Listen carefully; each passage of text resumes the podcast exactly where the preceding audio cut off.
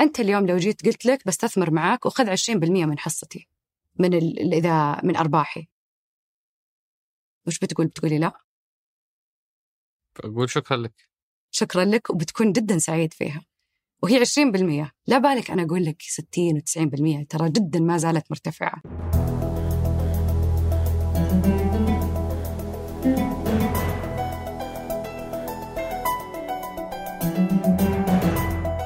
هذا سقراط من إذاعة ثمانية وأنا عمر الجريسي أستضيف قادة التحول وأحاورهم حول رحلتهم في تحقيق أهداف رؤية السعودية 2030 ضيفة حلقتنا اليوم هي المديرة التنفيذية للاستثمار في الشركة السعودية للاستثمار الجريء نور السرحان.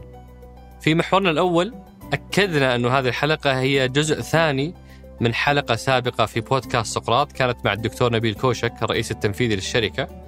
وكانت أشبه بحلقة تأسيسية شرحنا فيها المصطلحات والمفاهيم والفروقات ما بين الأشياء المتشابهة. آه، فاللي أول مرة يسمع عن هذا الموضوع ننصحه يسمع هذيك الحلقة أول بعدين يجي يكمل الحلقة هذه. آه، وحدثنا بعض المعلومات والمستجدات في عدد الاستثمارات نموذج العمل وغيرها. بعد ذلك دخلنا في محور حكاية تحول إيش اللي تغير من حلقتنا الأولى أكتوبر 2019 إلى اليوم ديسمبر 2021 آه، على مستوى القطاع نفسه على مستوى حجم الصفقات في السوق السعودي آه، في المنطقة بشكل عام وكذلك في الشركة نفسها كم عدد الصناديق اللي يدعمونهم آه، كم عدد أو كم قيمة الالتزامات اللي التزموا فيها ليش بعض التزاماتهم عالية بس المنصرف قليل؟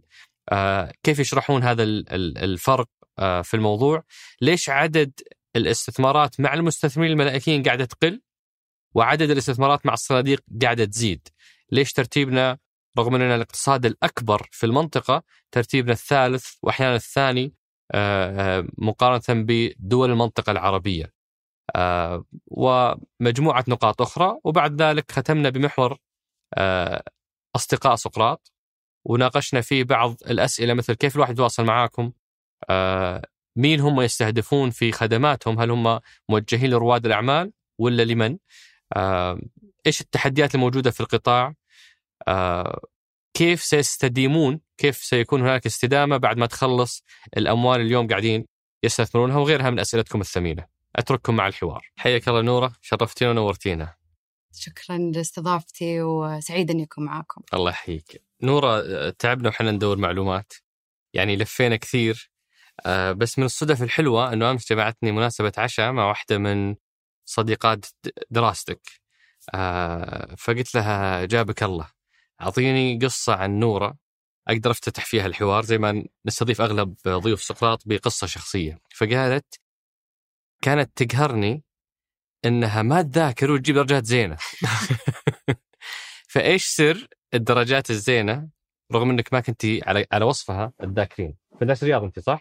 أنا كنت مدرسة رياض إيه. صحيح فوش سر ال- الدفرة؟ صراحة ما أعتقد إني ما كنت أذاكر لو ما كنت أذاكر كان ما أتوقع إني باخذ درجات زينة بس يمكن ما كان تفاعلي أو حضوري في الفصل آه، مثل الآخرين بس في وقتي الخاص كنت دائما يعني عندي وقت معين أركز فيه على دراستي ومنها الحمد لله جبت العلامات الزينة فقادرة توازنين ما بين الذاكرين وتقضين وقت صحيح. آه، ممتع مع الصديقات. صحيح. هل إلى الآن قادرة تسوين الشيء هذا؟ والله والله الحمد أنا مرة يهمني موضوع آه، يعني الوقت. فالوقت اللي مخصص للشغل الوقت المخصص للتحضير الوقت المخصص للقراءة كلها يعني محسوب ودائما حريصة عليه. قادرة توازنين بينهم. الحمد لله. إحنا اليوم آه، نورة نستضيفك في حلقة تعتبر مميزة لأنها تعتبر كأنها جزء ثاني. آه، واحد من الأصدقاء قد سألني قال عمر آه، وإذا خلص وظيفة سقراط وش بتسوي؟ قلت والله يا أخي سقراط فكرته أنه قاعد يتابع إيش قاعد يصير في الرؤية. والحراك أكبر من أن يختزل في آه، مرحلة ولا في جهاز ولا في ضيف. فممكن يوم من الأيام نستضيف نفس الشخص مرة ثانية يحكينا عن الموضوع. ممكن نستضيف قائد ثاني في نفس المنظمة يحكينا عن نفس الجهاز. آه وبالتالي الحراك الكبير اللي قاعد يصير يخلي عندنا آه لستة طويلة من الضيوف اللي حنرجع نقابلهم وحنرجع نسمع منهم وربما بعضهم غير موقعه وربما بعضهم نفس الجهاز لكن تغير القائد اللي فيه. فالرحله سقراط مع متابعة الرؤيه مستمرة. إحنا قابلنا الدكتور نبيل آه، كوشك آه، أبو حمزة آه، في أكتوبر 2019 وعرفنا على SVC أو الشركة السعودية للاستثمار الجريء في ذلك الوقت وهي كان أول سنة من عمرها تقريبا. في اليوم هذه نعتبرها كأنها جزء ثاني من من هذيك الحلقة. نستضيفك بصفتك المديرة التنفيذية للاستثمار في الشركة السعودية للاستثمار الجريء. ويمكن أبدأ بمرحلة أبو حمزة ما غطاها لأنه ما كان موجود فيها اللي هي مرحلة ما قبل تأسيس الشركة، المرحلة اللي أنت كنت موجودة في هيئة منشآت.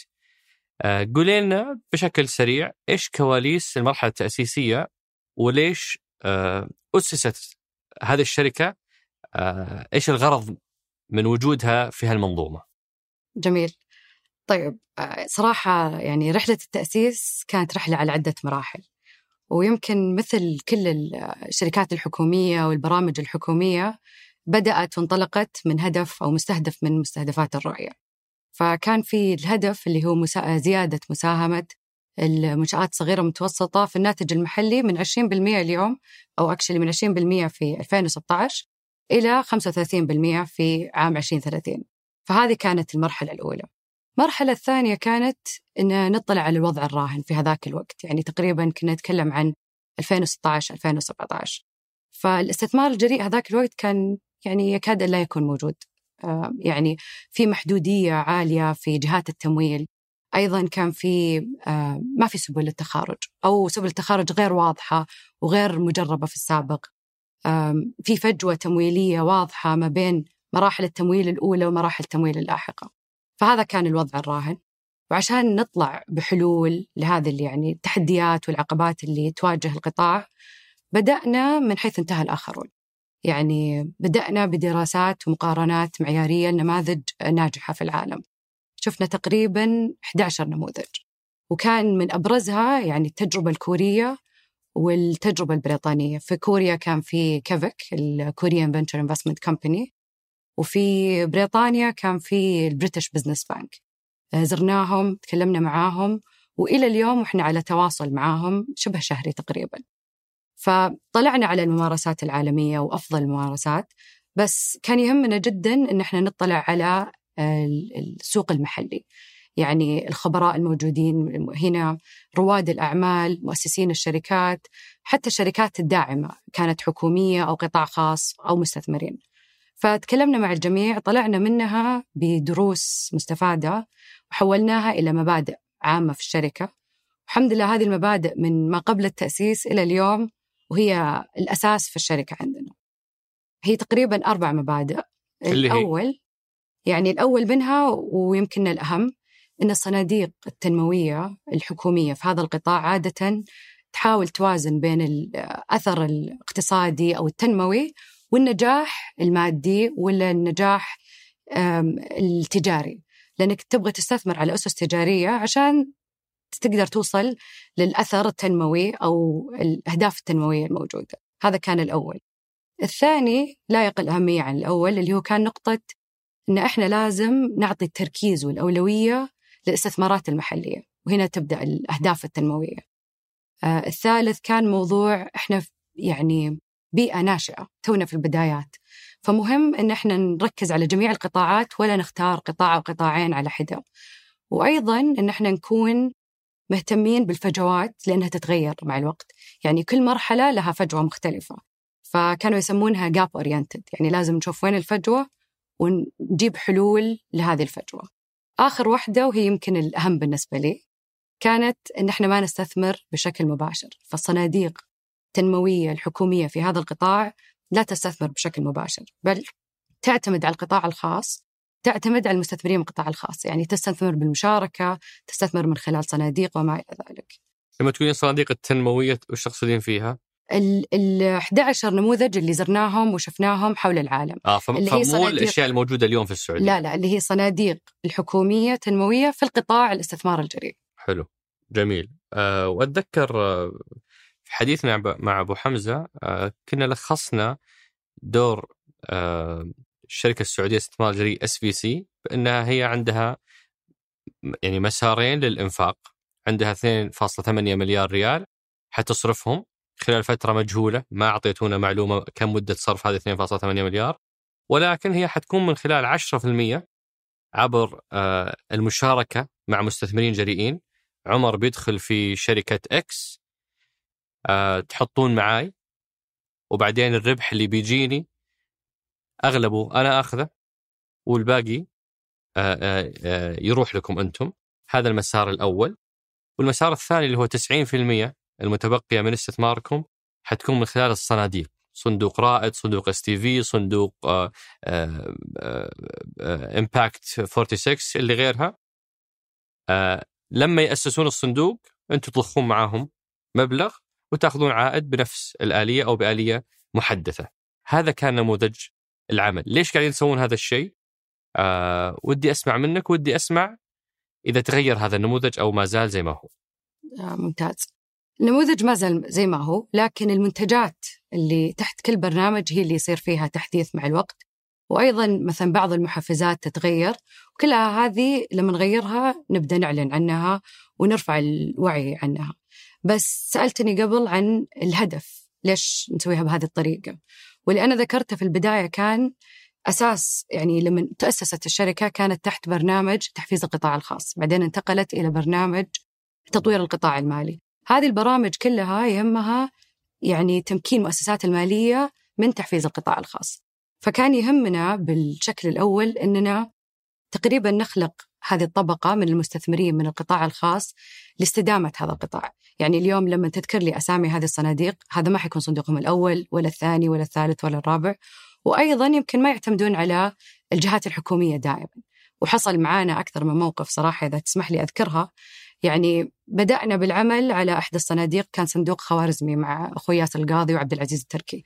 قدموا علينا بدأنا نراجع الصندوق وإحنا في هذه المرحلة مرحلة مراجعة الصندوق رجعوا لنا بعدها فترة قالوا إحنا نبي نشكركم. هذا هذا حصل هذا العام. إحنا نبي نشكركم أنتم حفزتوا المستثمرين في هذا القطاع مستثمرين القطاع الخاص الشركات الكبرى الأفراد مهتمين يدخلون في هذا القطاع. فإحنا جمعنا 63 مليون دولار وما عاد نحتاجكم. هذا بالنسبة لنا كان يعني شيء إحنا نفتخر فيه واحتفلنا فيه. أخاف أنكم طفشتوهم. لا حقيقة. هم صراحة كنا جدا مهتمين آه، في الصندوق لكن فعلا شفنا أن زاد عدد المستثمرين في القطاع واهتمام المستثمرين في القطاع آه، بشكل ما توقعناه. وأنا أعطيك مثال آخر. يعني إحنا الصناديق اللي استثمرنا فيها إلى الآن 23 آه، صندوق. هذه 23 صندوق تقريبا استثمرنا مليار و87 مليون ريال سعودي في 23 صندوق. توقعنا أنه يكون حجم الصناديق الكلي يعني ثلاث أضعاف استثمارنا تقريبا بحيث أن إحنا نكون حفزنا ثلاث أضعاف أو ضعفين. اليوم الصناديق هذه 23 حجمها الكلي 6 مليار و400 مليون ريال سعودي معناته خمس أضعاف. فلك أن تتخيل ال ال يعني الطلب من القطاع الخاص للاستثمار في هذه الصناديق. هل هو يعني أفراد شركات كبرى مؤسسات مالية. سمعنا قريبا آه، كانت بوبا أطلقت آه، صندوق استثمار جريء خاص فيها وهذا يتسمى بال corporate venture capital طيب آه، عشان برضو اللي ما اللي بعيد شوي عن المجال وما يفهم الفكرة إيش علاقة الشركة السعودية للاستثمار الجريء بأنه القطاع الخاص يستثمر في هذا المجال؟ أنتم ما أنتم ما حطيتوا الا فلوس. وش وش وش اثر هالفلوس على حراك المستثمرين؟ جميل. طبعا إحنا أحد أهدافنا هو تحفيز القطاع الخاص بس كيف قدرنا نحققه وكيف نقدر نحققه؟ في البداية ذكرت إن إحنا ما نستثمر مباشرة وواحدة من هذه الأهداف أن ما ننافسهم. يعني اليوم لما تجي شركة آه، رائدة والجميع يبغى يستثمر فيها وجت الحكومة استثمرت معناتها حناخذ حصة من القطاع الخاص. بس لما نكون إحنا ندعم الصناديق نفسها اللي تستثمر.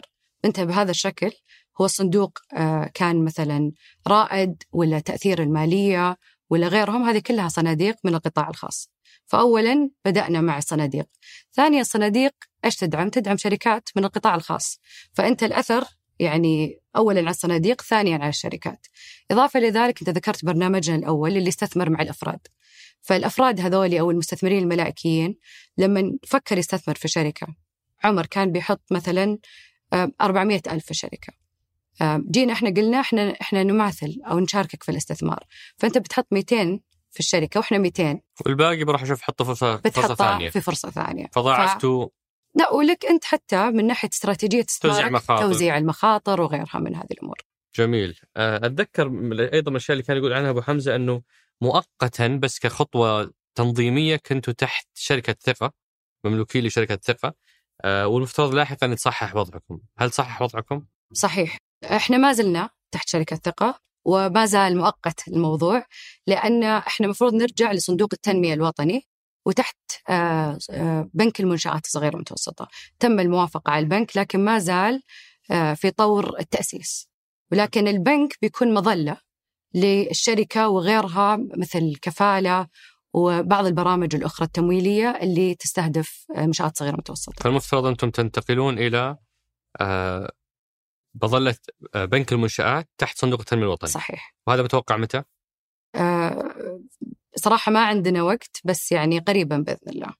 آه، على طاري المليار اللي, اللي أنت تكلمت عنه أو قبله قبل ما ندخل في المليار آه، مرة ثانية خلينا نذكر ال ال الأصدقاء المستمعين بالمنظومة.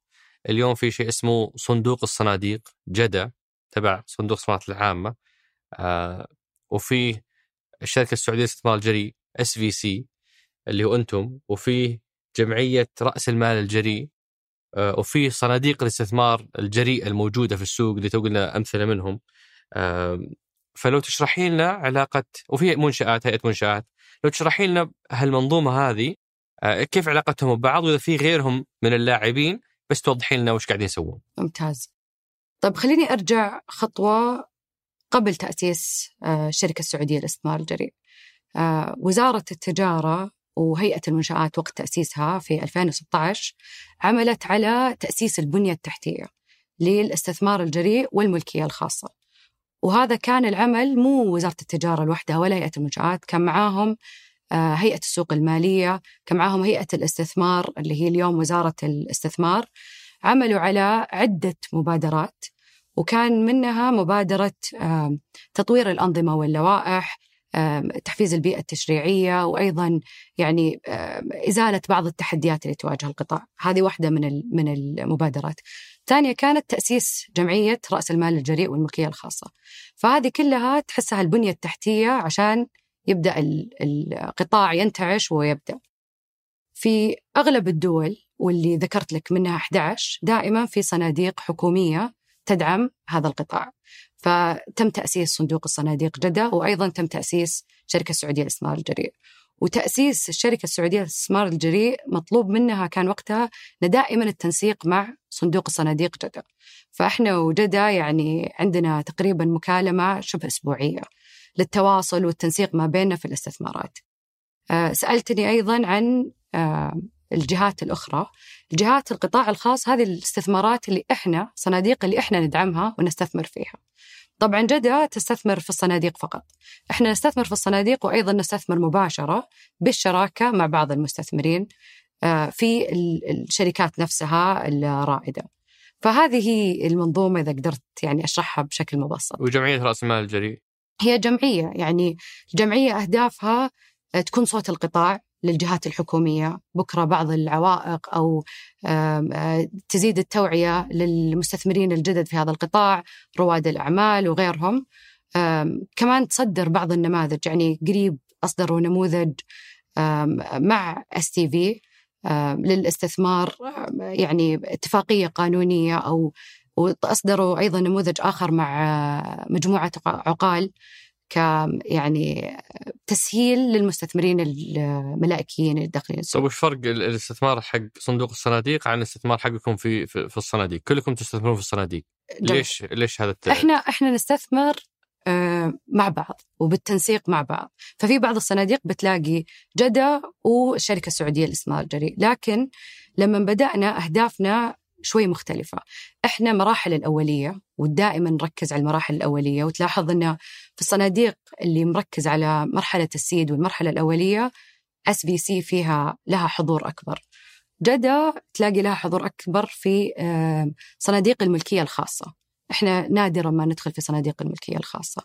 فلأنها مراحل مختلفة وتحتاج أنواع مستثمرين مختلفين يعني المستثمرين اللي يستثمرون في الملكية الخاصة مختلفين عن المستثمرين اللي يستثمرون في آه، الشركات الناشئة والاستثمار الجريء. دامك اضطريتيها اشرحي لنا الفرق ما بين صندوق جريء وصندوق ملكية خاصة. جميل.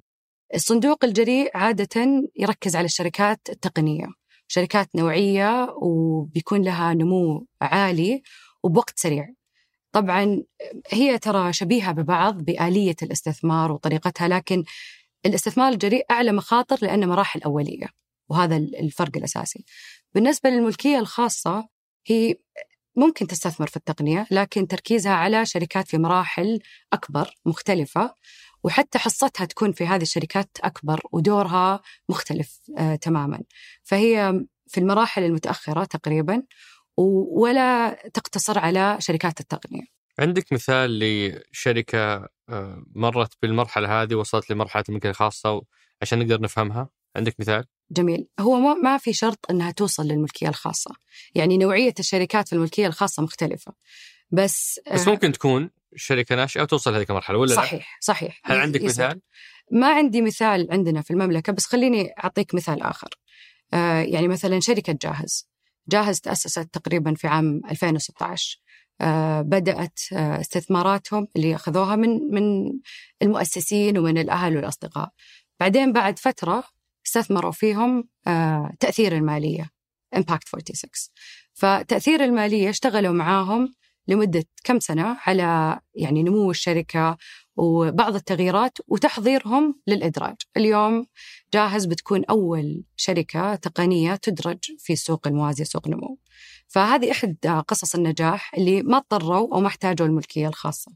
بس الحمد لله صار في سبل تخارج اللي كانت في السابق ما هي موجودة. عندك مثال على ملكي على قصص الملكية الخاصة؟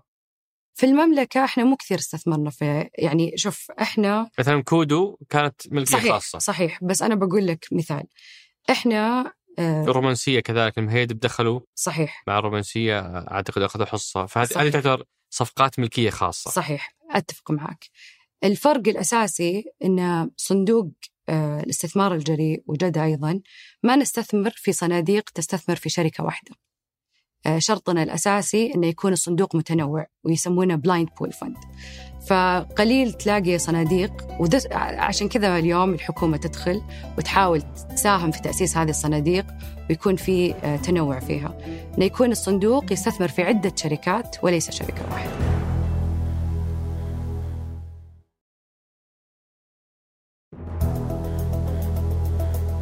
جميل. أنا بنتقل لحكاية تحول. وأسمع منك إيش التحول اللي صار في القطاع وفي آه الشركة نفسها.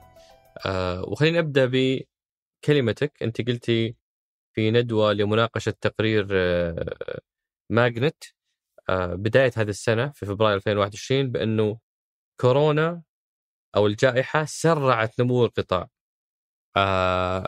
فأعطينا بلغة الأرقام إيش اللي اختلف اليوم في شركة السعوديه للاستثمار الجريء من 2019 إلى نهاية 2021 بلغة الأرقام. طيب ممتاز، بلغة الأرقام خليني أبدأ في القطاع. في نبدأ يمكن من عام 2018 قبل ما تتأسس الشركة. قبل ما تاسس الشركة في تقرير ماجنت اللي إحنا نشتغل معاهم منصة ماجنت تصدر تقرير بالشراكة مع شركة السعودية للاستثمار الجريء لتغطية المملكة والقطاع في المملكة.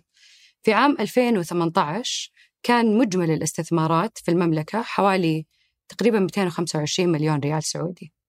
اليوم في نهاية عام 2021 آه، مليارين ريال سعودي. من 215 إلى مليارين؟ من 215 أو 50 تقريبا إلى مليارين. تتكلم عن ثمان أضعاف في خلال هذه الفترة. ولما ال ال هذه قيمة؟ النمو السنوي 100% هذه قيمة الصفقات. هذه قيمة الصفقات. قيمة الصفقات صحيح. في من 2018 إلى 2021 اي ولو تقارنها خلينا نقول في سنة 2020 يعني أنا في هذاك آه، كنت أتكلم عن 2020 كنا نتكلم عن نهاية 2020 وكانت سنة استثنائية بالنسبة لنا. يعني كان 50% زيادة عن عام 2019 وما إلى ذلك. كل اللي نصيح ويشتكي إلا أنتم. تخيل. أرقامكم رهيبة. الحين الحين أقول لك تخيل أن 2020 مقارنة في 2021 آه، الزيادة اللي تمت آه، أربع أضعاف وهي 200% في خلال عام واحد. بس أنا أقول لك شيء سرعته كورونا وساعدتنا أيضا. رفعت الوعي في الشركات التقنية التقنية عموما واحتياج الناس لها. يعني أتذكر كنت قبل الوالدة الله يحفظها والإخوان والأهل يعني أنا أشتغل في الاستثمار الجريء. وش تسوون؟ والله نستثمر في الشركات التقنية. ما أعرف إيه يعني ما في أحد يحس أنه شيء قريب له أو أو ينتمي له. كنت دائما أستخدم مثال آه، شركة آه، جاهز أو غيرها. لما حصل آه، الجائحة والله ينهيها إن شاء الله. آمين. أدخل على الوالدة ألقاها تستخدم شركات أو تطبيقات التوصيل من النعناع الحصيل الجاهز الذا شيفس فبداوا يصيرون يحسون فيها أكثر. أقول لهم هذه الشركات إحنا استثمرنا فيها. بعدين آم، أطفال العائلة اشوفهم يستخدمون منصات التعليم نون وفهيم وغيرها. نفس الشيء يعني آم، التجارة الإلكترونية. كل أحد صار اضطر إنه يستخدمها. طبعا بعد زوال الجائحة ولما بدأت الدنيا شوي تفتح تلاقي كثير من الناس اللي ما كانوا يستخدمون ما زالوا يستخدمون. خلاص تعرفوا. على السلوك تغير صحيح. طريقة جديدة لل... للحياة يمكن. والحمد لله ساعدت في تسريع نمو القطاع والتحول الرقمي وأيضا زيادة الشركات التقنية. يعني خلينا نعطي مثال. شركة تمارا. شركة تمارا مع أخونا عبد المجيد الصيخان تأسست في 2020 شركة آه، اشتري الآن وادفع لاحقا اللي هي buy now pay later دخلوا مستثمرين ملاكين ودخلوا تقريبا أربعة من الصناديق عندنا في منتصف آه، تقريبا 2020 تخارجوا لما جت شركة بريطانية تشيك أوت واستحوذت على حصتهم في تمارا في خلال تسعة شهور خمس أضعاف استثمار فهذا اليوم قصتين تخارج ذكرناها جاهز وتمارا واحدة استحواذ واحدة إن شاء الله طرح. وفي السابق ما كان في هذه القصص. فهذا يزيد جاذبية القطاع للمستثمرين. يعني أي مستثمر قبل ما يستثمر يفكر أنا كيف بتخارج؟ متى بسوي متى بتجيني العوائد؟ متى بزيد من رأس المال؟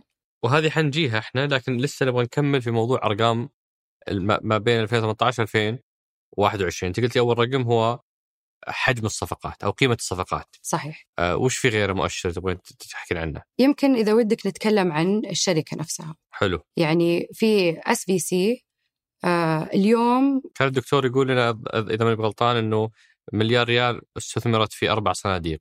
كم اليوم عدد الصناديق وكم حجم استثماركم؟ ممتاز. خليني أشرح شيء قبل ما نبدأ. إحنا آلية الاستثمار عندنا تبدأ بالموافقات المبدئية.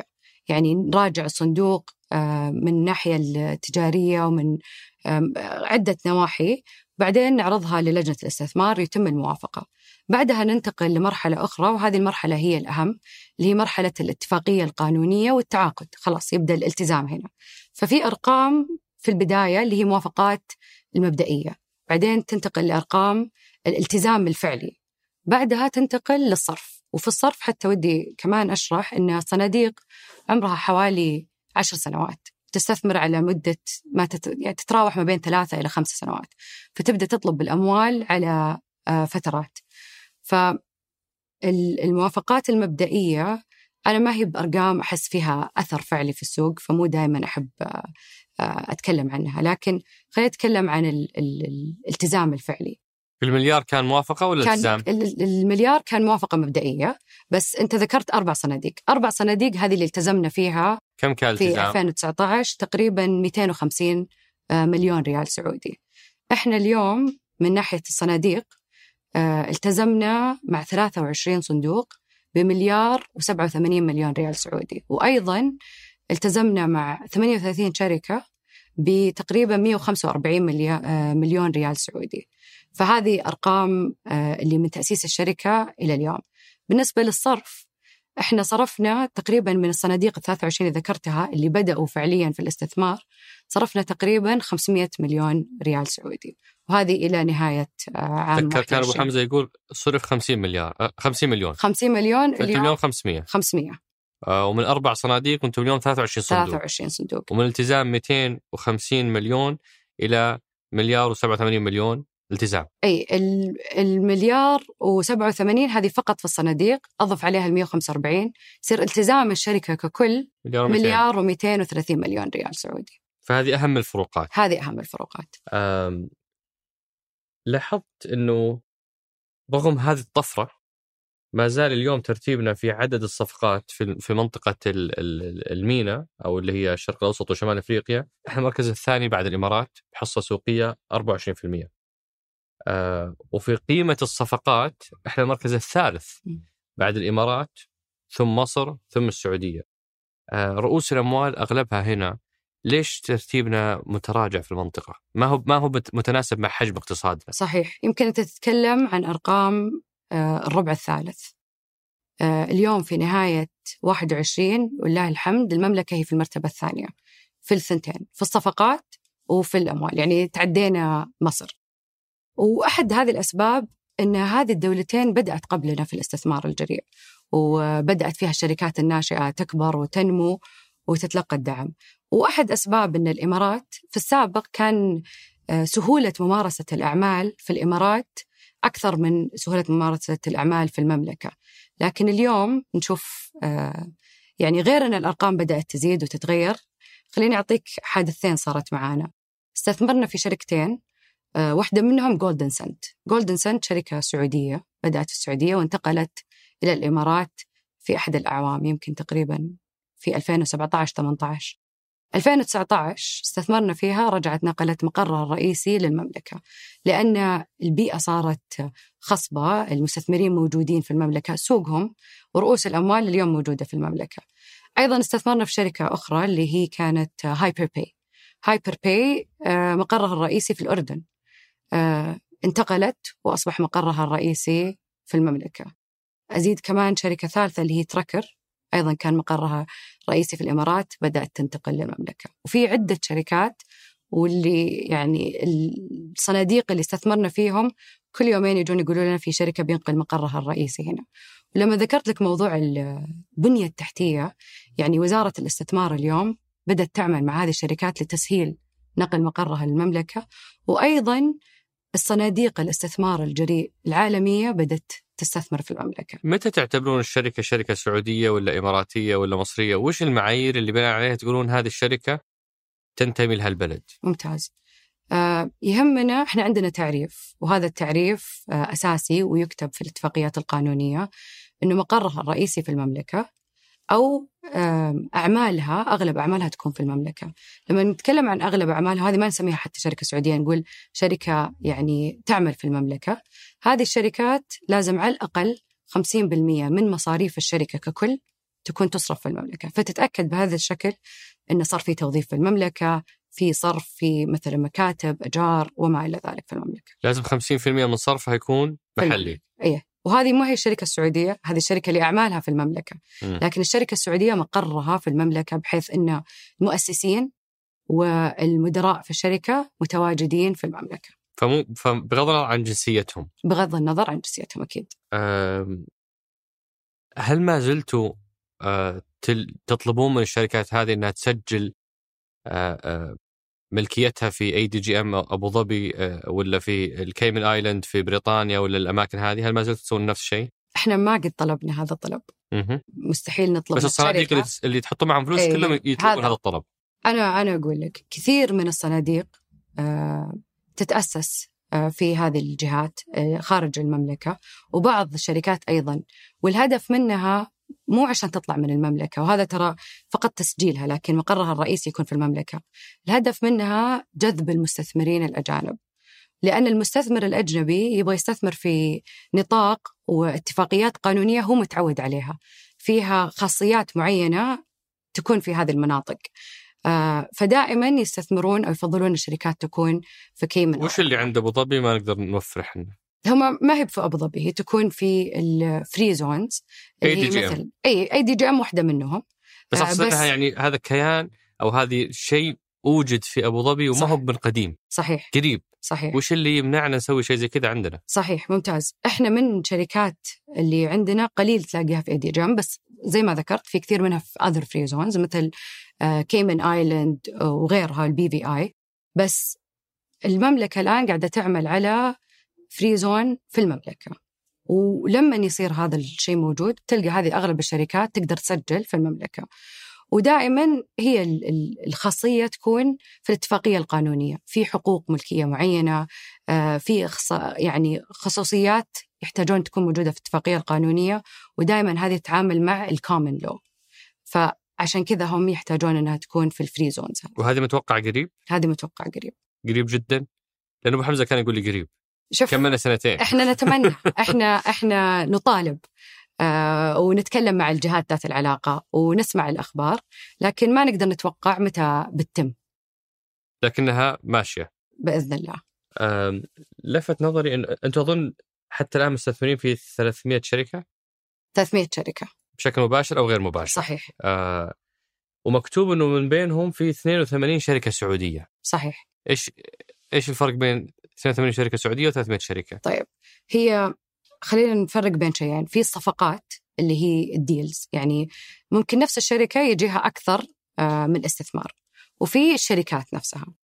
فالصفقات إحنا استثمرنا تقريبا 500 والشركات 300 لأنها 500 صفقة في 300 شركة. لأنه أحيانا ممكن يكون صندوقين فتعتبرونهم صفقتين أي. نفس الشركة. صحيح. واحيانا جولتين بالضبط. فتعتبرونها صفقتين مع إنها نفس الشركة. صحيح. لكن التوتل هو 500 صفقة اي في 300 شركة. صحيح. الحين مين منها؟ سعودية. آه لو أذكرك في المبادئ اللي نعتمدها في الشركة كانت إن نركز على الشركات السعودية لكن يهمنا الموازنة بين الأثر الاقتصادي والاسس التجارية أو النجاح المالي.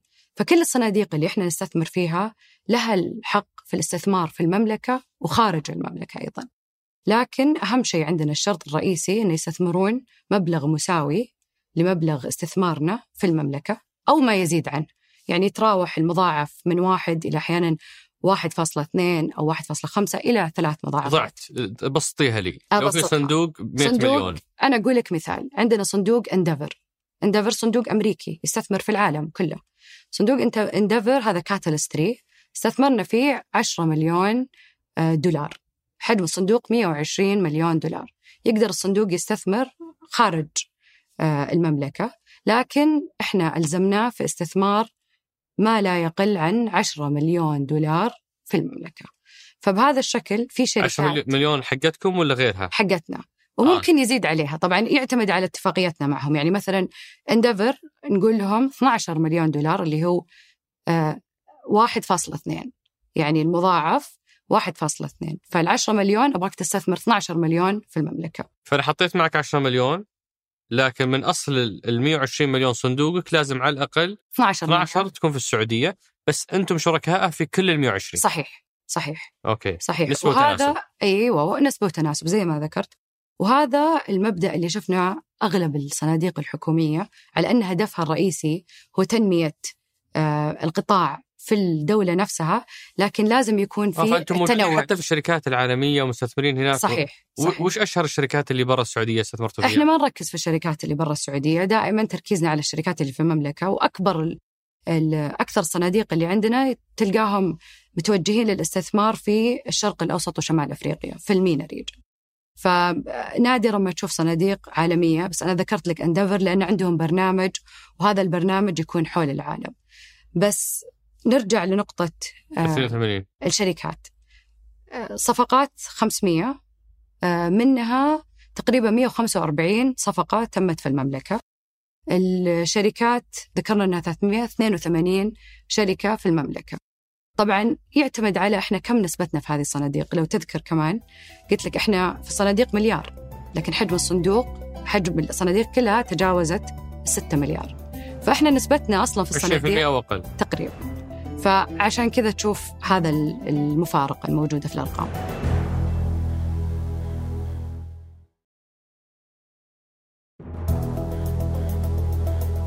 آه، أيضا لفت نظري رقم إنه تخارجتوا من 13 فرصة تخارجت الصناديق اللي استثمرنا فيها من 13 فرصة طيب آه الحين نحتاج نفهم شلون يصير هذا التخارج، إيش هي خيارات التخارج وأمثلة على التخرجات اللي سويتوها والعوائد حقتها. ممتاز. وكيف تقسم بينكم وما بين اللي اللي تشاركتوا معهم. ممتاز. أبرز قصص التخارج بعيد ذكرها اللي هي جاهز لأن سبل التخارج دائما في الاستثمار يا في الطرح والإدراج في السوق الاسهم زي جاهز زي جاهز مثلا وترى في السوق الأمريكي تقريبا حوالي 40% من الشركات المدرجة في الأسواق الأمريكية تكون شركات تلقت دعم من صناديق الاستثمار الجريء. فبإذن الله إحنا يعني طموحنا إن الشركات بكرة اللي تدرج أغلبها تكون شركات تقنية تلقت استثمار من الصناديق هذه. فهذا واحد من أهم سبل التخارج ولله الحمد اليوم جاهز بيتم يعني إدراجها وطرحها في السوق. المفروض اليوم صح؟ اليوم ينتهي اليوم الاكتتاب. ينتهي الاكتتاب. فهذا واحدة من سبل التخارج اللي تغيرت عندنا في المملكة. ال- الثانية اللي هي الاستحواذ. طبعا الاستحواذ أوبر على كريم. مثلا أوبر على كريم والأجمل خلينا نستخدم السعودية. أيوه. تمارا Checkout من بريطانيا استحوذت على تمارا سألتني على العوائد تمارا زي ما ذكرت لك أربع صناديق من ال 13 هذه أربعة استثمروا في تمارا استثمروا في خلال تسع شهور تخارجوا بخمس أضعاف استثمارهم. فهذه هي العوائد يعني وأنتم مثلا لو حاطين مع آه، صندوق معين أنا اعرفكم حاطين في الخوارزمي. والخوارزمي استثمر في تمارا إحنا في تأثير المالية. آه أوكي. تأثير المالية. صح خوارزمي قالوا ما يحتاج صح. صح إيه. خوارزمي قالوا ما يحتاج. اي تأثير. اي تأثير المالية في Impact 46 صندوقهم آه، seed اللي هو صندوق المراحل الأولية استثمرنا معاهم وتخارجوا من تمارا. آه، طبعا حققوا ست أضعاف اللي اللي, اللي خمس أضعاف خمس أضعاف. اي فلو حطوا مليون جاهم خمسة مليون. صحيح. كم اخذتوا أنتم؟ إحنا الصندوق عادة على حسب استثمارنا فهي نسبة وتناسب. إحنا في صندوق آه، تأثير المالية تقريبا استثمرنا 50% من الصندوق والصندوق حجمه تقريبا 100 مليون فإحنا 50 مليون فلازم تاخذ 50% من التخارج. لكن هم إحنا جزء من الأرباح يروح لمدير الصندوق حوالي 20%. 20% فهذا. أوكي.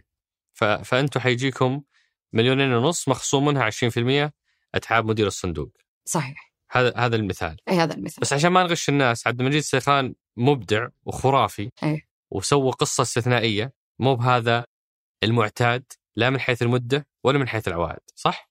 صح والفترة الزمنية هذه الفترة الزمنية هذه. هذا شيء استثنائي هذا استثناء. معك وبما أن ذكرنا عبد المجيد يعني عبد المجيد الصيخان من الناس اللي هذا مو أول استثمار له صحيح. هذا مو أول شركة يأسسها. كان في نعناع ما شاء الله إيه، عليه. كان في نعناع وقبلها كان مؤسس شركته الخاصة. ومن الأشياء الجميلة اللي قد ذكرها وأنا دائما أقول إحنا لازم زي ما نفتخر بقصص النجاح أيضا لازم نذكر قصص الفشل. فكان دائما يقول شركتي الأولى صح استحوذت عليها نعناع بس تراها ما نجحت. بعدين في نعناع الحمد لله نجح اول يوم فهذول نبغى نشوف أكثر serial entrepreneurs اللي أسسوا أكثر من شركة وأعتقد إن إحنا اليوم بدأنا نشوفهم. شوف إحنا ما زلنا في البدايات لكن وإحنا في البدايات أقدر أقول لك إحنا نعيش الحلم. فعليا آه، عدد الاستثمارات الأرقام عدد الشركات آه، نوعية المؤسسين نوعية الشركات اختلفت. آه، مثلا شركة يونيفونيك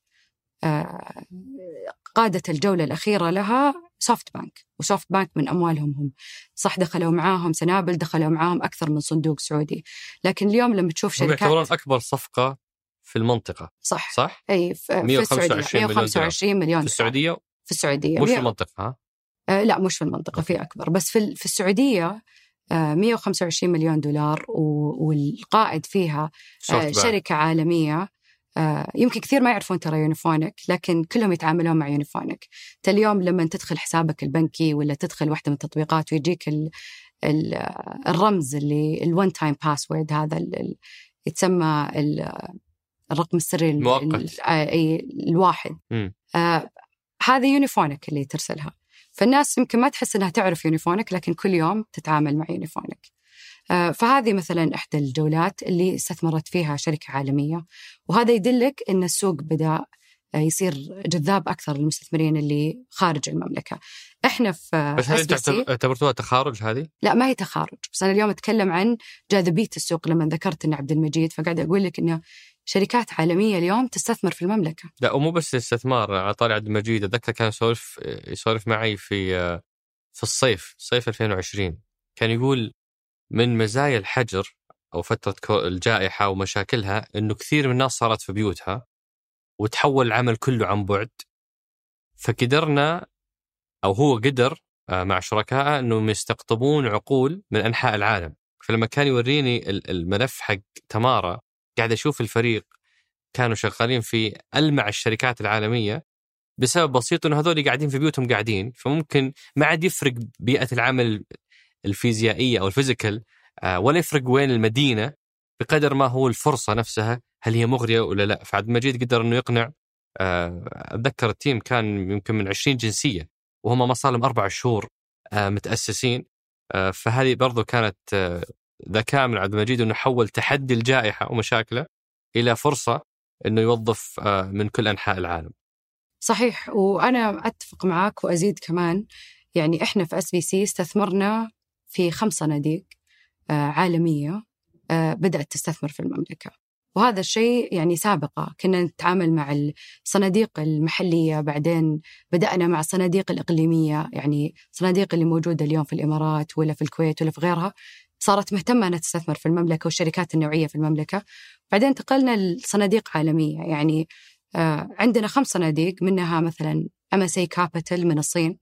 عندنا gcc إيجا من سنغافوره عندنا صندوق Hambro Perks عندهم Oryx Fund من آه، بريطانيا عندنا صندوقين من أمريكا Endeavor اللي ذكرتها في السابق وأيضا آه، شركة 500 أتوقع سيكويا عندهم شيء على وشك صح؟ والله أتمنى إني أقدر أقول بس يعني ما اعلن موضوع رسميا صح؟ إي موضوع إن سيكويا بتستثمر في إحدى الشركات الناشئة سعوديه وإحدى صراحة بالنسبة لي ألمع الشركات. المدعومة من أحد الصناديق اللي أنتم مستثمرين فيها. مدعومة من عدة صناديق من عدة صناديق؟ طيب كويس الحمد لله. يستاهلون الله يوفقهم الحمد لله. آه بس لسه أنا أبغى أسمع منك أكثر على 13 شركة اللي صار فيها تخارج عشان بس الناس تتخيل أشكال التخارج. فقلنا تمارا من خلال استحواذ. استحواذ تقريبا من من شركة بريطانية. صحيح. آه، جاهز من خلال الإدراج. أي. هذا يعتبر تخارج. تخارج. وش في غيرها؟ نماذج؟ هذه قصص تخارج اللي اليوم موجودة زي ما ذكرت أنت كريم. بقيه 13 وش أجل؟ بقيه هذه هذه اغلبها صناديق اللي استثمرت في تمارا هذه السعودية. في شركتين في انديفر وفي شركة في الإمارات شركة خزنة تخرجوا منها شروق وكان أيضا استحواذ. في بعض التخارجات كانت آه، المؤسسين رجعوا شروا الحصص من آه، صاحب الصندوق أيضا. فهذه كانت مجموعة تخرجات لكن أبرزها ويمكن أكثر شيء إحنا نميل له هي تمارا لأنها شركة سعودية. لاحظت عندكم نمو تقريبا 10 أضعاف 10 X عدد الصفقات من 2019 إلى 2020 عدد الصفقات عندكم قفز قفزة هائلة ما بين 2019 و 2020 لكن لما تعمقت فيها لقيت صفقات ال co-investing أو أو المستثمرين الملائكيين اللي تشاركون معاهم نزلت للنص. صحيح. كانت 15 صفقة صارت سبعة. صحيح. بينما صفقات الصناديق زادت من 20 صفقة في 2019 إلى 318 صفقة. صحيح. هذا المنحنى هل هو ترند حيستمر بحيث أنكم خلاص ما عاد تستثمرون مع الأفراد وحتكملون مع الصناديق ولا ليش صار هذا التباين؟ طيب. السبب الأول زيادة عدد الصناديق. ففي البداية كان عدد الصناديق أربعة. تقريبا. اليوم عدد الصناديق 23 فطبيعي أنه بيزيد عدد الاستثمارات والصفقات من الصناديق وهذا متوقع. الموضوع الآخر موضوع آه، زي ما ذكرت الاستثمار مع مستثمرين الأفراد أو الملائكيين. قل أيضا لأن في بعض الصناديق تستثمر في المراحل الأولية أو ال pre-seed ففي صناديق تستثمر وفي أفراد يستثمرون. آه، عدد الأفراد ما زال في نمو يعني في البداية كنا فقط مجموعة عقال. اليوم عندك خمس مجموعات استثمار ملائك في المملكة منها Women's آه، Spark منها فلك منها آه، رياض Angels ومين كانت الأخيرة؟ منجم الاستثمار. ففي عدد من المجموعات الاستثمار الملائكي وعدد المستثمرين الملائكيين بدأ يزيد. يعني لو تشوف عدد الصفقات قلت لكن في الصفقة نفسها تلاقي عشر مستثمرين معانا مؤسسين مجموعة واستثمروا مع بعض. فإحنا استثمرنا من هذاك الوقت إلى الآن مع خمسين مستثمر فرد أو مستثمر ملائكي من الخمس مجموعات وش تعريفكم المستثمر الملائكي؟ متى يصنف؟ هو مستثمر فرد. آه يستثمر في الشركات الناشئة في مراحلها الأولية ويضيف لها آه حتى لو استثمار واحد. حتى لو استثمار واحد. لكن إحنا عشان نستثمر معاه لازم يكون في مجموعة من مجموعات آه، الملائكي اللي ذكرتها قبل شوي هل جتكم شكاوى كثيرة على تعقيدات اشتراطاتكم هنا؟ يعني مثلا أنا أنا أنا عضو في عقال وأستثمر أحيانا بس آه، كل مرة أجرب إني آخذ استثمار مشاركة من SVC ألاقي تعقيدات وكأنكم تقولون ما نبي نعطيك. شلون؟ آه أول شيء المدة الزمنية. يعني تلاقي صاحب الشركة قاعد يقول جماعة الخير معي أسبوعين ثلاث أسابيع هو أصلا ما جاء المستثمرين الملائكيين إلا لأنه عجل. آه عادة الصناديق يأخذون وقتهم أطول بس المستثمرين الأفراد أسرع فهو محتاج هذه السيولة فيقول معك أسبوعين يا ترد لي يا لا وما أقدر أخذ حصة مضاعفة بعدين ما أقدر أسددها فيقول لي كم بتاخذ؟ أقول له خمسة مثلا 500 ألف طيب إذا جاء SVC خذ نصها وإذا ما جاء بدفعها أنا كلها طيب يمكن أنا ما أقدر أدفعها كلها فالتاخير هذا يخليني في النهاية أخسر الفرصة. هذا كان سبب مرة خسرت فرصة بهذا السبب. المرة الثانية إنه فجأة تغير النظام. فأول كنت أنا آه، أستثمر بشكل مباشر بس إني أسجل كل الحصص باسم شركة. إيه. آه، مظلة لي مملوكة 100% لي أنا. كل الفرص تحتها. ومشت. ومرة من المرات اعتمد هذا الاستثمار من SVC بعدها بسبع شهور تكرر نفس الموضوع. قالوا لي لا. ما دام إنك أنت شركة ما نعطيك آه، استثمار المخصص للأفراد. طيب أنتم أعطيتوني قبل سبع شهور قالوا لا تغير النظام. فأحس كأنه كذا أنتم مو بحابين هذا المنتج ورطانين فيه تبون تقفلونه. غير صحيح بس إحنا جدا حابين المنتج. إيه. ونبي نزيد فيه لكن في شيء من بدأنا آه يعني كنا ناويين نسويه ونبغى نزيد فيه مع الوقت اللي هي رفع المعايير. يعني في البداية كان الموضوع لسه ما في مستثمرين أفراد كثير. إضافتهم للشركات كانت محدودة وكان ممكن نتساهل في البداية لأن زي ما ذكرت البيئة في أولها يعني تحتاج تساعد. لكن مع الوقت لازم يصير فكر المستثمر الملائكي أيضا أعمق وإضافته أقوى. بمعنى بعض بعض الاتفاقيات القانونية اللي تجينا وتكون مع المستثمرين الأفراد تاخذ وقت في المراجعة لأن فيها يعني أنا أذكر جانا مرة صاحب شركة مستثمرين ملائكيين أخذوا منا 70% من حصة الشركة مقابل مبلغ جدا زهيد أو بسيط. فاحنا نبي نساعد رائد الأعمال أيضا يعني مو فقط آه، المستثمرين الملائكيين.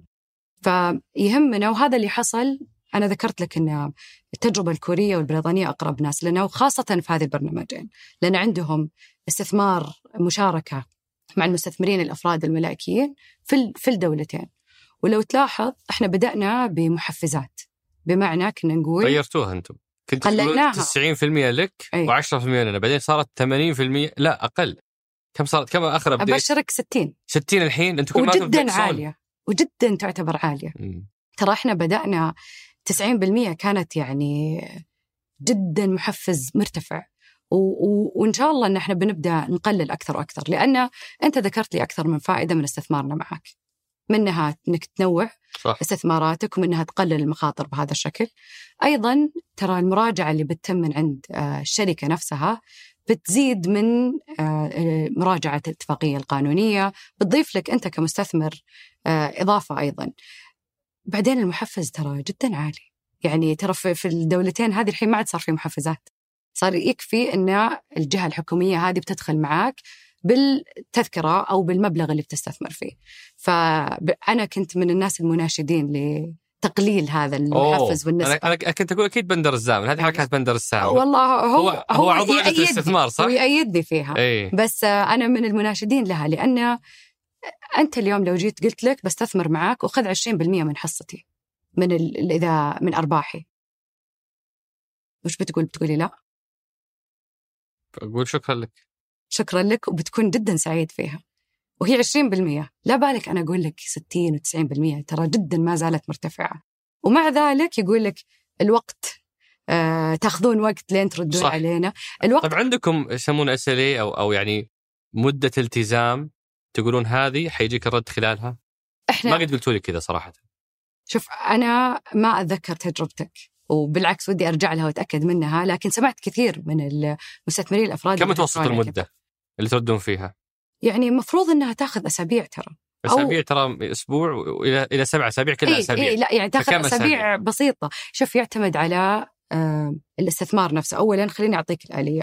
إحنا يجينا الطلب. من إحدى المجموعات بعدين نبدأ نراجعه آه، مع الفريق هل هل أول شيء هذه شركة سعودية؟ هل المعايير اللي إحنا نطلبها موجودة فيها؟ هل المستثمر الملائكي عنده خبرة؟ لأن إحنا بنتبعه في الاستثمار فواحدة من أهم الأشياء خبرته هل حيضيف قيمة إن إحنا ندخل معاه في الاستثمار هذا ويقود الاستثمار هو وبياخذ الفلوس مننا لازم نراجع هذه النقاط موضوع أيضا آه، الحوكمة يعني هل بيضيف للشركة؟ وش وش فائده هذا المستثمر اللي بيدخل إذا غير فلوسه؟ عشان أنا بعطيه هذا المحفز العالي. لازم أتأكد ان عنده قيمة مضافة. فإحنا بنراجع هذه الأمور بنراجع الشركة نفسها. هل تقييمها مرتفع؟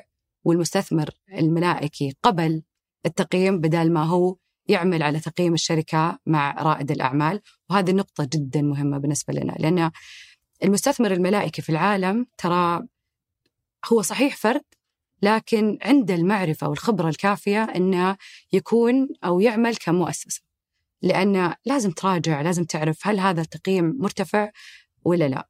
فكثير من الأسباب الرفض كانت أنهم قبلوا تقييم يعني غير منطقي أصلا. فهذه كانت بعض أسباب الرفض. بعدين تمر على مرحلة يتم الموافقة عليها. كل هذا اللي فات هذا في إدارة الاستثمار. أي هذا في إدارة فريقك. أيوة صحيح. جاتك من أي وهذه ترى ما تأخذ معنا وقت. هذه تأخذ معنا على حسب طبعا متى بيرد علينا المستثمر. آه الفرد وبيعطينا المعلومات بنسأل الأسئلة بنقول له كيف طريقة التقييم. ترى سرعة ردة تؤثر على سرعة قرارنا. فأهم شيء رده وأيضا تعاون رائد الأعمال معه. ترى بعضهم آه، يعتقد أنه خلاص أنا قدمت يلا وافقوا. لا لا إحنا رقم واحد عندنا الاحترافية والعمل المؤسسي وحتى يعني اتباع أفضل الممارسات العالمية جدا مهم. فهذه خلصت عندكم وين تروح؟ تروح للقانونية. هذا إذا قلنا لك وافقنا. أوكي. إذا قلنا لك وافقنا تبدأ في القانونية وأحيانا في القانونية تأخذ معنا وقت لأن هنا تبدأ الشروط شروط التجارية وشروط والأحكام الموجودة. فأنا متأكدة أن إحنا قاعدين نساعد هذا المستثمر الفرد يعني المفروض يشكرنا بدل ما يشتكي مننا. وبعد الإدارة القانونية؟ خلاص. لا طب وين وين لجنة الاستثمار؟ وين دورهم؟ أي هي لجنة الاستثمار في البداية معانا في ال في أخذ لا بس في البروسس خليني خليني أقول إيه. لك البروسس بالنسبة للاستثمارات مع الأفراد عندنا لجنتين استثمار. لجنة استثمار للشركة اللي فيها أشخاص من خارج الشركة وفيها أشخاص من داخل الشركة وهذه تجتمع آه، تقريبا شهريا. وبعدها عندنا لجنة استثمار مصغرة وهي فرعية من هذه. وهذه تاخذ القرارات بسرعة. تجتمع أول ما تجي الفرصة ولا خاصة إذا كانت أقل من مليون. إذا هي أعلى من مليون لازم تروح للجنة الأساسية. اتخاذ القرار هنا يعتمد على زي ما ذكرت لك الرد الأسبوعين هذه اللي تاخذ مننا الرد ونعطيهم القرار. بعدها تتحول القانونية. نعطيك الجواب وتتحول للقانونية.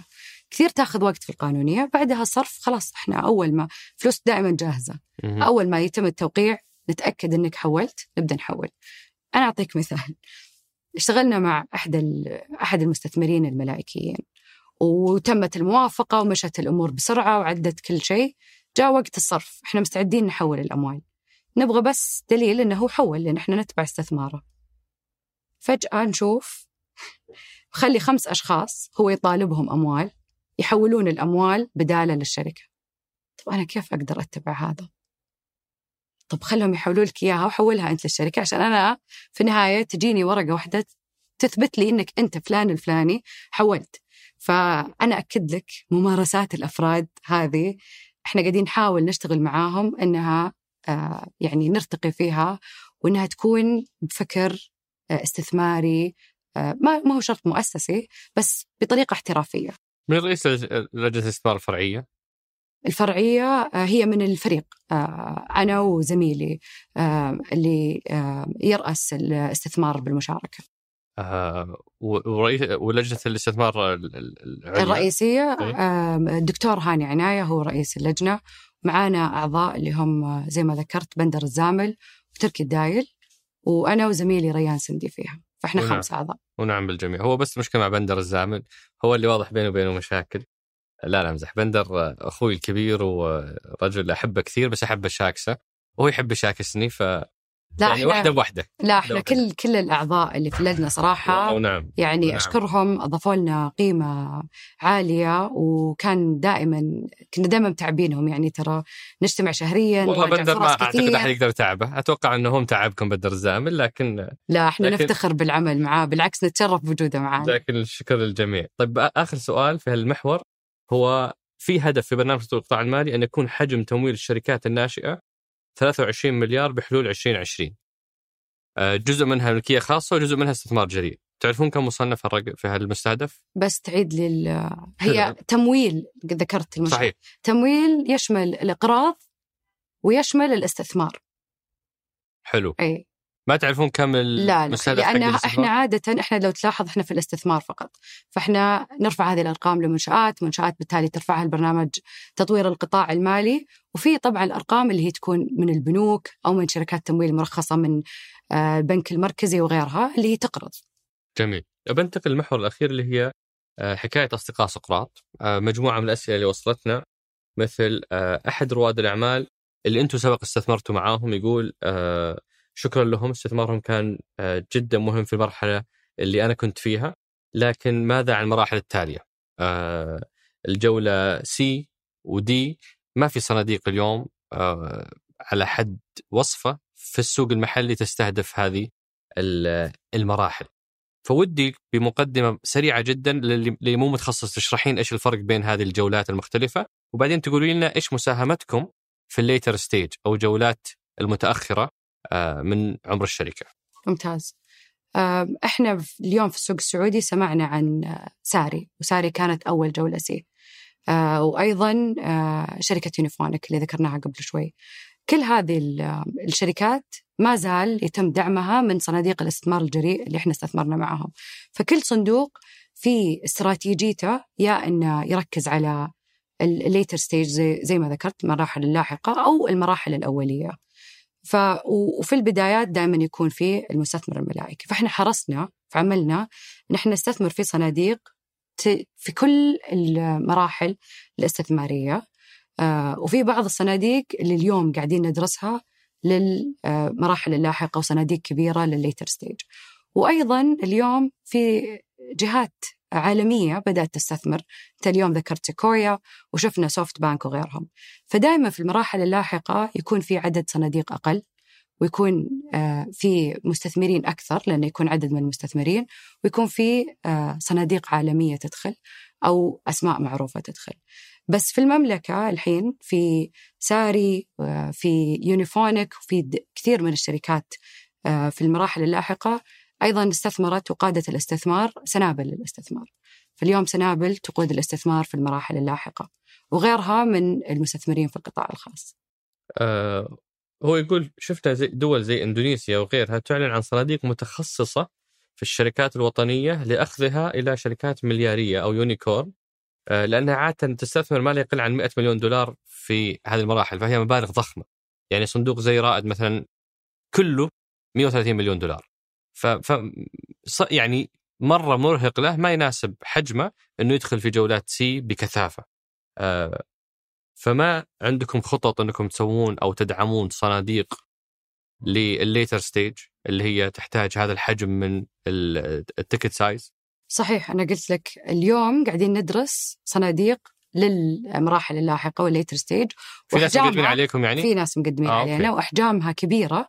بس كمان نرجع خطوة ورا. أنا لما ذكرت لك قلت لك إحنا على حسب الفجوة. سنتين اللي فاتت ما كان في أصلا. شركات تصل لهذه المراحل. فكان صعب حتى لو يجينا صناديق وتقدم علينا صعب أن نوافق عليها. وهي أصلا ما في شركات كفاية. أم، أضيف لك واحدة من البرامج الجديدة اللي إحنا يمكن أه، أطلقناها في السوق اللي هي الاستثمار في صناديق المسرعات أو صناديق استديوهات الشركات الناشئة اللي هي ال venture builders أو ال startup studios والهدف منها إن إحنا نزيد العدد في المراحل الأولية لأنها مثل القمع ال funnel. تبدأ تقل إلى أن تصير في شركات المراحل اللاحقة، فهدفنا إحنا الأساسي التركيز على المراحل الأولية، زيادة العدد عشان بكرة نشوف شركات أكثر وأكثر آه، تصل المراحل اللاحقة. فمو أولوية عندكم المراحل اللاحقة اليوم صارت أولوية بس في البداية أي. كنا نركز على البدايات، فزي ما ذكرت لك في صناديق آه، للمراحل اللاحقة قدمت علينا وبدينا في دراستها. وزي ما ذكرت لك في جهات حكومية وجهات خاصة تستثمر في المراحل اللاحقة. آه في سؤال على موضوع صندوق الدين.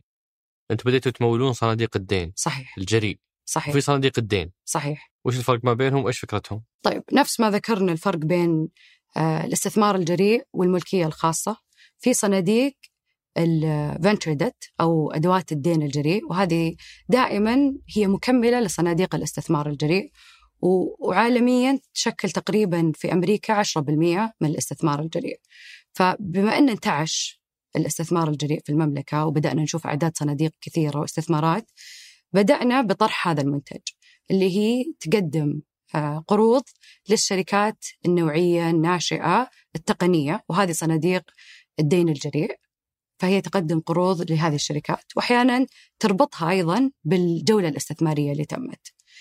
في صناديق الدين اللي هي نفس الشيء بتكون آه، صندوق يستثمر في شركات عدة ويقرأ. يستثمر؟ يعني آه، أعتذر يجي مستثمرين لكن آه، يمول شركات عدة فيكون blind pool fund كمان وهذا الصندوق للشركات النوعية الصغيرة والمتوسطة. بس وش فرق عن الاستثمار الجريء؟ لأنه هو platform ممكن يختفي كله. أي يعني واحد. أقصد فكرة الاستثمار الجريء إنه عالي المخاطر فأنت تحط فلوسك وقد تختفي تماما الفلوس صحيح. فكيف هذول الدائنين يحفظون حقوقهم؟ بالنسبة للدين الجريء وأيضا دائما يكون عندهم ضمانات أو warrants بحيث أن إذا ما قدرت تسدد لي تتحول إلى ملكية زي ال convertible notes أو ال okay. من يتخذ قرار استثماري شرحنا إحنا السلسلة. كيف تضمنون عدم وجود تعارض مصالح عند اتخاذ القرار الاستثماري بمعنى لو بندر الزامل صديق عزيز كيف كيف تضمنون إنه مو قاعد يضبطني؟ أو لو هو عدو كيف تضمنون إنه مو قاعد يأثر على قرار اللجنة باستبعادي؟ ممتاز. آه سؤال جميل. يعني عندنا في الشركة الجفرننس والحوكمة عالية جدا فإذا في أي شخص آه له صلة قرابة أو صلة معرفة فأحد المستثمرين لازم آه ما يصوت على هذه الفرصة ويعتذر من وجوده في الاجتماع. والأهم من ذلك اللي أنا يهمني أذكره أن هذه إحدى المعايير الأساسية في اختيارنا للصناديق. يعني الصناديق اللي نختارها أو نستثمر فيها في عدة معايير. يعني منها ذكرت لك الفريق وخبراتهم السابقة آه، موضوع الاستراتيجية أي مرحلة أي منطقة وما إلى ذلك. لكن الحوكمة واحدة من أهم المعايير اللي نختار عليها الصناديق. نشوف وجود لجان مختلفة لاتخاذ القرار موجود المراجع وغيرها وآلية الحوكمة. فدائما في هذا النوع من الصناديق اللي يكون فيها المستثمر مسؤول عنده مسؤولية محدودة GP LP structure تتسمى آه، إحنا كمستثمرين نكون في شيء اسمه آه، المجلس الاستشاري. وهذا المجلس دائما إذا صار عندهم أي تضارب مصالح لازم يرفعونها للمستثمرين الكبار في الصندوق ويطلبون آه، رأيهم أو هم اللي ياخذون القرار فيها. فموضوع الحوكمة صراحة آه، جدا مهم في هذا القطاع. هذا سؤال من عمر الحماد. مساء الخيرات راسلتكم إيميل مرتين من إيميل العمل. أنا شركة متخصصة في فينشر بيلدر وللأسف لم يتم الرد على استفساري حتى الآن مقدر انشغالكم. هذا 9 نوفمبر. رجع راسلكم في 14 نوفمبر لا زلت في انتظار ردكم أو كيف التواصل معكم؟ أه وش وش الوسيلة للوصول إليكم؟ إحنا الوسيلة هي الإيميل والعادة دائما عندنا فريق التواصل عند الرد سريع وعلى طول يحولها لاداره ما رديتوا على عمر زكي بخليهم يتأكدون من عمر بس آه ماني متأكدة اذا هو أرسل على الإيميل الصحيح أو لا. وش الإيميل الصحيح؟ موجود على موقعنا. تمام. وحنحطه في وصف الحلقة فهده أيه. آه الإيميل للي يبغى يتراسل. بس عموما أنتم ما عندكم اتصال بالجمهور أصلا. إحنا خدماتكم ما هي بالجمهور. للمستثمرين. للمستثمرين. اي إحنا المستثمرين هم يعني فرائد الأعمال اللي يبينكم فلوس ما يجيكم ما يجينا. يروح للمستثمرين صحيح. وإذا أقنعهم هم يجونكم. صحيح. وعلى موقعنا بتشوف كل المستثمرين الصناديق كاملة موجودة آه، مجموعات المستثمرين الملاكين موجودة أيضا. هذا يقول الاستثمار الجريء يحتاج أكثر من مجرد تمويل البداية. نحتاج أحد يوقف معنا حتى نثبت رجولنا في الأرض. نثبت رجولنا في الأرض كيف ممكن تساعدين المبتدئين يوقفون على رجولهم خصوصا في ظل المصاعب اللي تواجهنا مع وزارة العمل وهيئة الزكاة ومنافسة الأجانب والتستر وغيرهم. وش رأيك؟ أنتم وش يعني وين موقعكم في هذه التحديات حقت رواد الأعمال؟ إحنا دورنا في الاستثمار ودورنا في وجود هذول المستثمرين أو زيادة عدد المستثمرين اللي يقدرون يساعدونا ويضيفون له القيمة المضافة هذه فأنا دائما رواد الأعمال أقول لهم اطلعوا على موقعنا شوفوا المستثمرين وشوفوا عدة مستثمرين مو واحد لأنه يمكن هي مسألة انسجام. ممكن تنسجم مع أحد المستثمرين وما تنسجم مع غيره. ممكن تتفق مع أحد المستثمرين وما تتفق مع غيره. فكان جدا يهمنا تنوع المستثمرين. يعني إحنا اليوم عندنا خمس صناديق أو خمس شركات جديدة تأسست تحت هيئة سوق المالية تستثمر في الاستثمار الجريء. آه، عندنا سبع صناديق آه، إقليمية آه، تستثمر في الشركات السعودية. عندنا زي ما ذكرت خمسة عالمية تستثمر في الشركات المحلية. والصناديق المحلية حوالي 11 صندوق. فكل هذول موجودين يستثمرون على عدة مراحل وحتى قيمة القيمة المضافة منهم تختلف من صندوق لآخر. يعني أتذكر إحنا دائما عشان نقيم صندوق نتواصل مع رواد الأعمال اللي استثمر فيهم هذا الصندوق. عشان ناخذ رأيه فيهم يعني نقاط القوة ونقاط الضعف. واحد من رواد الأعمال قال لي أنا أنا قيمة المضافة إنه ما يعطيني فلوس وما يخليني أشتغل. هذه القيمة المضافة. لا يزعجني بالأسئلة وبغيرها أو إنه وواحد منهم يقول القيمة المضافة زي ما ذكر الأخ. أبغاه يمسك على يدي أبغاه معي في المجلس الاداري أبغاه معي يكون دائما وأتواصل معه كثير. فتختلف القيمة المضافة من شخص لآخر وتختلف رائد الأعمال وش يبغى من المستثمر نفسه.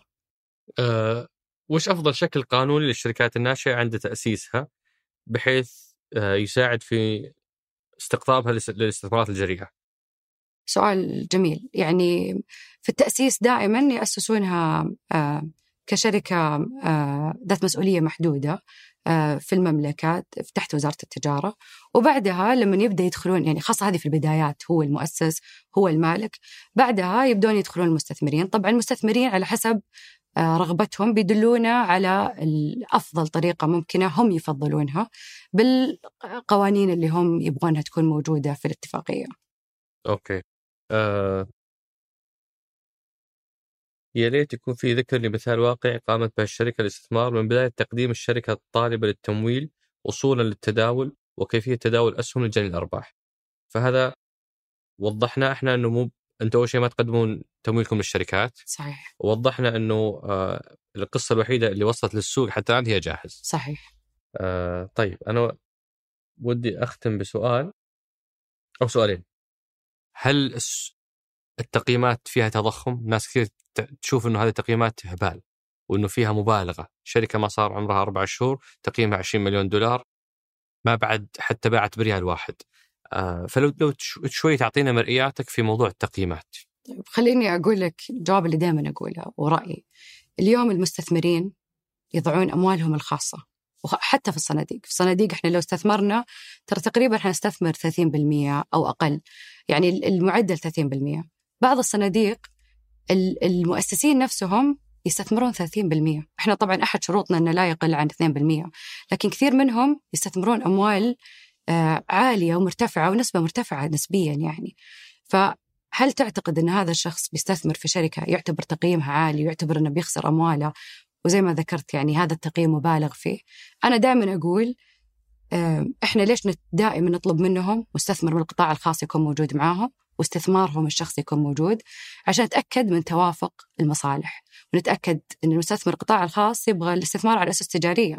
ترى مو لازم يهمه أنه كم عدد الوظائف أو التنمية اللي حصلت وغيرها يهم الأسس التجارية ويهم العوائد المالية. فأنا دائما أقول هذول المستثمرين استثمروا أموالهم الخاصة استثمروا أموال من القطاع الخاص لجني أرباح وتعظيم هذه الأرباح. فأعتقد وجود آه، توافق المصالح هذا هو اللي بيخليهم يختارون أفضل الفرص وبيقيمون الفرص بالطريقة الأمثل لهم. سمعت كلام الناس عن تقييم جاهز؟ سمعنا كلام الناس بس في النهاية آه، شوف اليوم الطلب آه، في الاكتتاب. فبالنسبة لك المعيار الأهم هو طالما المستثمرين اللي يدورون أرباح موافقين تراهم أبخص أنا هذا رأيي. هذا رأيك وهذا ليش الصندوق نفسه نعتبر باسف وما نعتبر إحنا نقيد أو ندير الاستثمارات.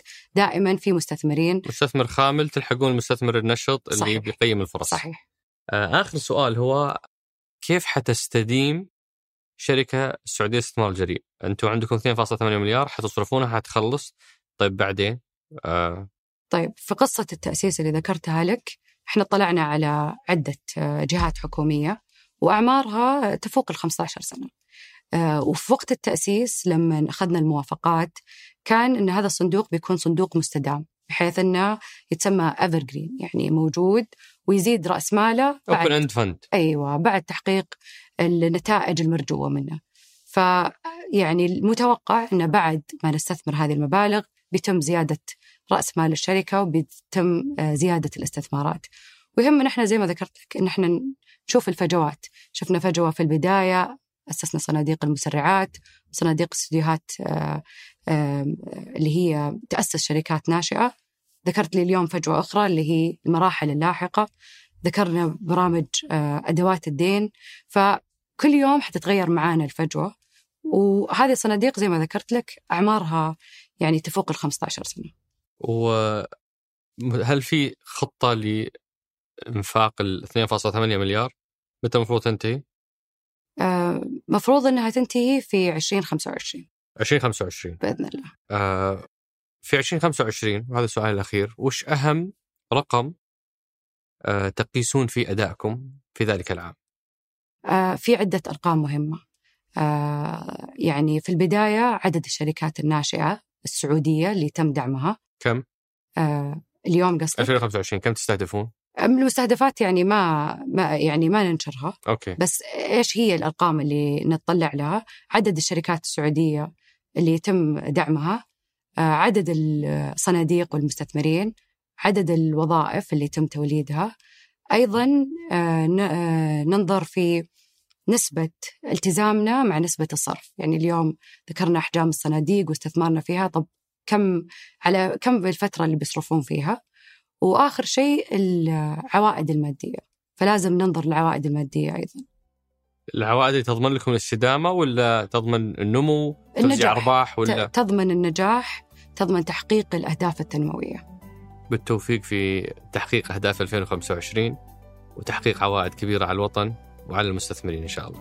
شكرا لك ما قصرت. شكرا لك الله يعطيك العافية. شكرا أصدقاء سقراط والشكر موصول أيضا لفريق العمل وأخص منهم من الإعداد والإنتاج فهد القصير من التصوير ياسر آل غانم من هندسة الصوت محمد الحسن ومن التحرير أنس الخليل وبإشراف عام ريهام الزعيبي. شكرا للراعي الرسمي مصرف الراجحي. هذا سقراط أحد منتجات شركة ثمانية للنشر والتوزيع.